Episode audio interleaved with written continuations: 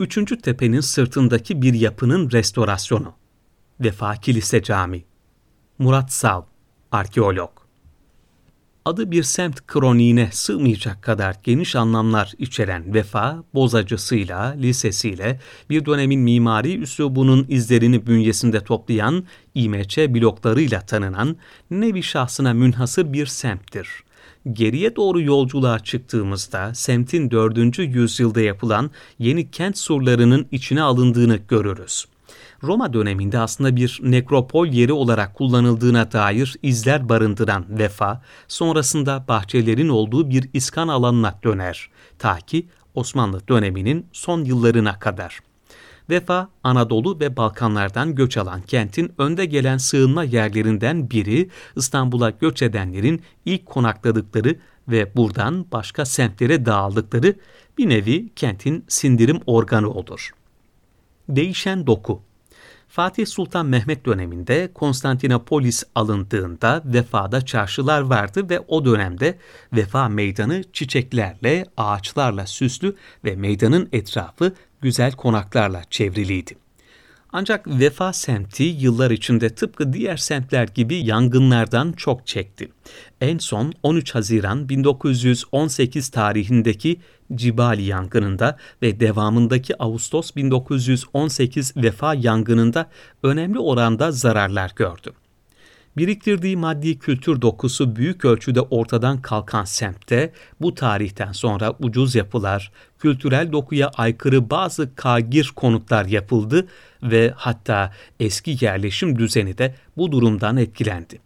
1930, 1940 ve 1950'lerdeki plansız yerleşim ve çevre semtlerin arka mahallelerindeki yoksullaşma ve yoksunlaşma Vefa semtine derin izler bıraktı. Kilise Camii'nin hikayesi. Kiliseler Ortodoks şehir anlayışı içinde yerleşim sisteminin belirleyici bir unsuruydu. Vefa'nın geçmişten bugüne ulaşan önemli dini yapılarından biri 500 yıldır adına Molla Gürani Cami veya Vefa Kilise Cami dediğimiz yapıdır yapının ilk ne zaman inşa edildiği belirsizdir. Yaklaşık olarak 5. yüzyılda burada bir kilise olması gerektiği düşüncesi olmuşsa da bu konuda ikna edici bir kanıt bulunmamaktadır. İstanbul'daki bazı meslek grupları nasıl ki bugün şehrin belli yerlerini tercih ederek bir araya gelmişse, Bizans devrinde de belli noktalar belli ticaret erbapları tarafından tercih edilirdi. Örneğin Vefa semtindeki Aziz Theodoros Kilisesi yakınları kömürcü esnafınca kullanılmaktaydı. Bu yüzden Vefa semtinin bir kısmına Karbonarya adı verilmişti. Kaldı ki buradaki kilisenin de Theodoros Karbonarya, Karonarya diye adlandırıldığı ve Komnenoslar hanedanlığının hüküm sürdüğü yıllarda inşa edildiği sanılmaktadır. Mevcut yapının teknik özellikleri de yapım dönemini teyit etmektedir. Ancak İstanbul'u zayıflatan 1204-1261 Latin istilasının sonrasında yapının onarıldığı ve bazı eklemeler yapıldığı da mevcut durumundan anlaşılmaktadır. Yapının Bizans dönemindeki adlandırması konusunda çeşitli öne sürümler vardır. Aziz Prokopios Kilisesi, Bebios Elpidos Manastırı, Georgiopokos Manastırı adları bunlar arasındadır. 16. yüzyılda İstanbul'da bulunan ve İstanbul'la ilgili kitaplar yazan Fransız bilim insanı, çevirmen ve topograf Pierre Gilles, yapının aslının bir Bizans kilisesi olduğunu yazan ilk kişidir. Ona göre yapının adı Aziz Theodoros Kilisesi'ydi. Kilise Camii'nin rölevelerini çizen kişi ise 19. yüzyılda İstanbul'a gelen Fransız mimar, arkeolog ve gezgin Charles Taxi'dir.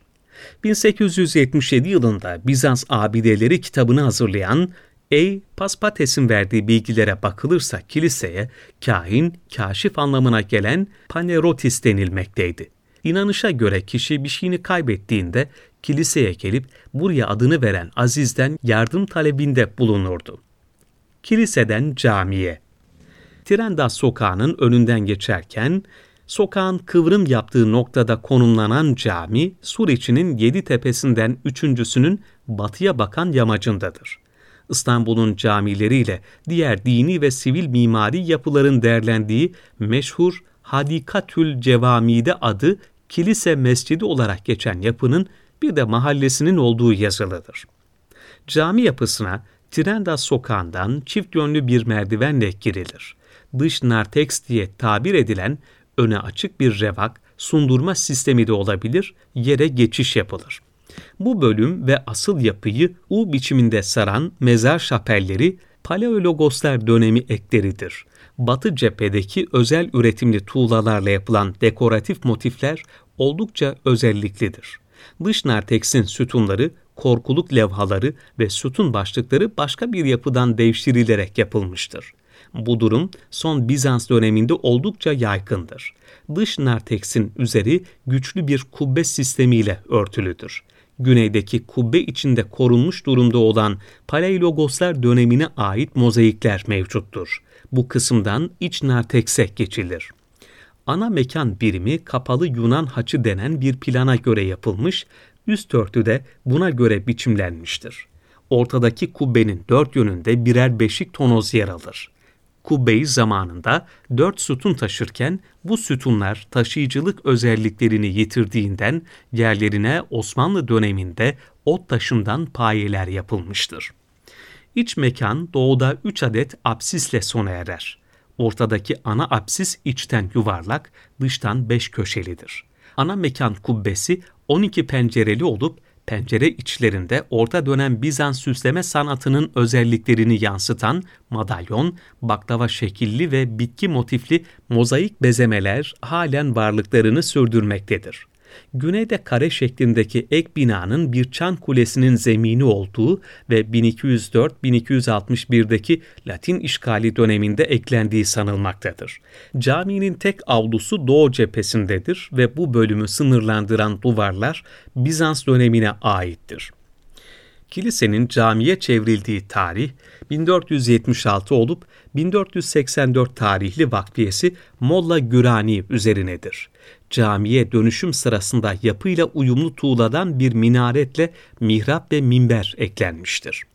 Latin istilası sırasında Teodoros Kilisesi'nde olduğu bilinen Aziz Teodoros'a ait kafatası bakiyesinin 1210 yılında alınarak İtalya'ya kaçırıldığını Patrik Konstantius'tan öğrenmekteyiz.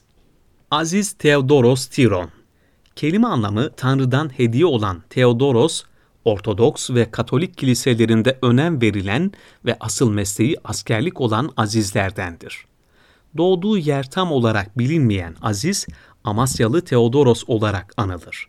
Hristiyanlığın tutulmaya başladığı Roma'nın geç dönemlerinde ordu içinde de yeni din yayılmaya başlayacak ve Roma yönetimi tarafından yeni dine katılanlar bu dini terk etmedikleri takdirde öldürüleceklerdir. Theodoros da bu askerlerden biri olarak inancını terk etmez. Bundan dolayı din uğrunda şehit olanlara verilen martir sanıyla anılır. 17 Şubat 306'da Amasya'da öldürülen Aziz Theodoros'un anma günü 17 Şubat'tır. Çeşitli zamanlarda yapılmış çok sayıda Theodoros Kilisesi mevcut olup bunlardan biri bugünkü Çemberli Taş yakınlarıdır. Molla Gürani Asıl adı Şemseddin Ahmet bin İsmail olan Molla Gürani'nin 1406-10 yılları arasında Irak şehri Zor'da veya İran'da bir köy olduğu rivayet edilen Güran'da doğduğu söylenir. Bağdat'ta İslam bilimleri eğitimi alan Molla Gürani, Mısır'da dersler verdikten sonra Şam'a ve ardından Anadolu'ya geçer. Edirne'de Sultan II. Murat'la tanıştıktan sonra Bursa'da Yıldırım Medresesi'nde hocalık yapan Molla Gürani, Şehzade Mehmet'in Fatih Sultan Mehmet'in hocası olarak 1443 yılında Manisa'ya gider. İstanbul'un fethi sırasında Fatih Sultan Mehmet'in yanında yer alır. Son görevini ifa ederken İstanbul'da vefat eden Molla Gürani, Sur içinde kendi adıyla anılan camiye defnedilir. Restorasyon notları. Vefa Kilise Camii'ndeki restorasyonun başlangıcında Öncelikle muhtes adı verilen ve yakın dönem eklentisi olan şadırvanla cami hocası için yapılan oda dahil olmak üzere benzer türdeki uyumsuz yapıların sökümleri yapıldı. Ayrıca cami ana mekan ve narteks duvarlarındaki çimento sıvaların raspaları yapılınca ağırlıklı 1833 yangınının ardından yapılan kalem işi bezemeler ortaya çıktı. Hazırlanan kalem işi projesine göre iyi durumda olan kalem işi motiflerin konsolide edilmeleri sağlandı. Cami dış duvarlarındaki bozulmuş olan derzler yenilenerek gerekli noktalarda taş ve tuğla değişimi yapıldı. Statik sorunu olan sütunlardan dış nartekste bulunan iki tanesine paslanmaz çelikten kuşaklama yapıldı. Dış cepheye bakan yüzde güney uçta büyük oranda çatlaklar ve dökülmeleri olan sütun askıya çıkarılarak yeni sütun yerleştirildi. Ayrıca iç mekanın ve narteksin duvar sistemi konusunda fikir vermesi için bazı noktalarla döşemelerdeki birkaç alan numune olarak açık bırakıldı. Cami üst örtüsündeki kurşunlar ve altındaki izolasyon yenilenirken özgün şadırvan olmayan yapının güney cephe ön kısma küçük bir şadırvan eklendi. Caminin doğu duvarı ise özgün kotuna indirildi. Avluda gerçekleştirilen tanzim dışında doğudan avluyu çevreleyen duvarların alt kotundaki Bizans yapı kalıntılarının derslerinde de temizlik yapılarak kalıntılar donduruldu, üst kota eklenen yeni duvarlar sıvanıp yeni olduğunun altı çizildi ve eski duvarlardan ayrıştırıldı. Şapellerin keşfi Caminin kuzey ve güney duvar diplerinde yapılan kazılarda iki şapel mekanına ait duvar kalıntıları ortaya çıkarıldı. Doğu uçlarının birer apsisle sonlandığı paraklesyon adı verilen şapeller, Bizans döneminde defin ve öbür dünya inancı konusundaki önemli ritüel mekanlarındandı. Bu şapel kalıntıları Bizans'ın son yüzyıllarında eklenmiştir. Hatta güneydeki şapel kısmı Osmanlı döneminde camiye geçiş için sundurmalı bir giriş olarak kullanılmıştır. Yürütülen çalışmayla güneydeki kalıntılar tamamen korunup üzeri ahşaptan bir sundurmayla örtülürken kuzeydeki bölüm açık bırakıldı. Dış narteks mozaikleri açıldı. 2018-2021 yıllarında Vakıflar Genel Müdürlüğü İstanbul 1. Bölge Müdürlüğü tarafından yürütülen restorasyon çalışmaları kapsamında dış narteksin kubbelerinde varlığı bilinen mozaiklerin tümünün ölçekli çizimleri yapılarak mozaiklerin önemli oranda sağlam oluşundan ötürü üzerleri açık bırakıldı temizlenen mozaik kompozisyonlarının sıvalarında mikro enjeksiyonla sağlamlaştırma yapıldı ve bu haliyle teşhire sonuldu.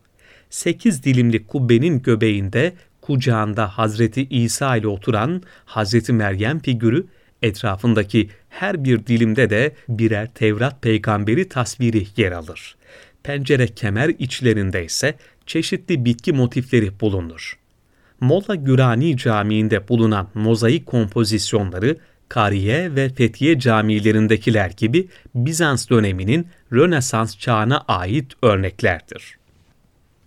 Çatı amforaları Bizans yapılarının çatılarının pek çoğunda alışıldık bir malzeme olarak karşımıza çıkan amfora örneklerine Vefa Kilise Camii'nde de rastlandı. Kubbelerle tonozlar arasındaki geçiş bölgelerinde hafifletici bir malzeme olarak kullanılan amforaların ağızları içleri dolmasın diye aşağı doğru yerleştirildi. Amforaların bulundukları yerlerde röleveleri alınarak aynı biçimde korunmaları sağlandı ve çatı kapatıldı. Önemli buluntular Minaresinin şerefesinde Bizans dönemine ait korkuluklar aynı görevi ifa etmek üzere kullanılırken, caminin güney cephesindeki sundurmanın döşemesi erken Bizans dönemine ait devşirme mermerlerdendir. Restorasyon sırasında üzerleri çimentodan arındırılan korkulukların konservasyonları yapılırken, bugün aynı yerlerinde aynı işlevlerini sürdürmeye devam etmekteler. Çalışmalar sırasında Doğu cephedeki avlu tanziminde çok sayıda mermer yapısal parça bulundu. Bu parçaların tamamına yakını Bizans'ın çeşitli yüzyıllarına aitken az sayıda Osmanlı mezar taşına ve bir kitabeye rastlandı. Tüm parçaların envanterleri oluşturuldu, tümlenebilir durumdaki parçaların tümleme çalışması yapıldı ve tümünün avluda sergilenmeleri kararlaştırıldı. Yaklaşık 350 yıl kadar kilise olarak hizmet eden ve ardından Molla Gürani adına camiye dönüştürülen Vefa Kilise Camii, yaklaşık 550 yıldır bu fonksiyonuyla varlığını sürdürmektedir. Bizans Osmanlı izlerini barındıran cami, yapılan son restorasyonla ortaya çıkarılan değerleriyle Fatih Suriçi'nin güzel bir bileşeni olmaya devam etmektedir.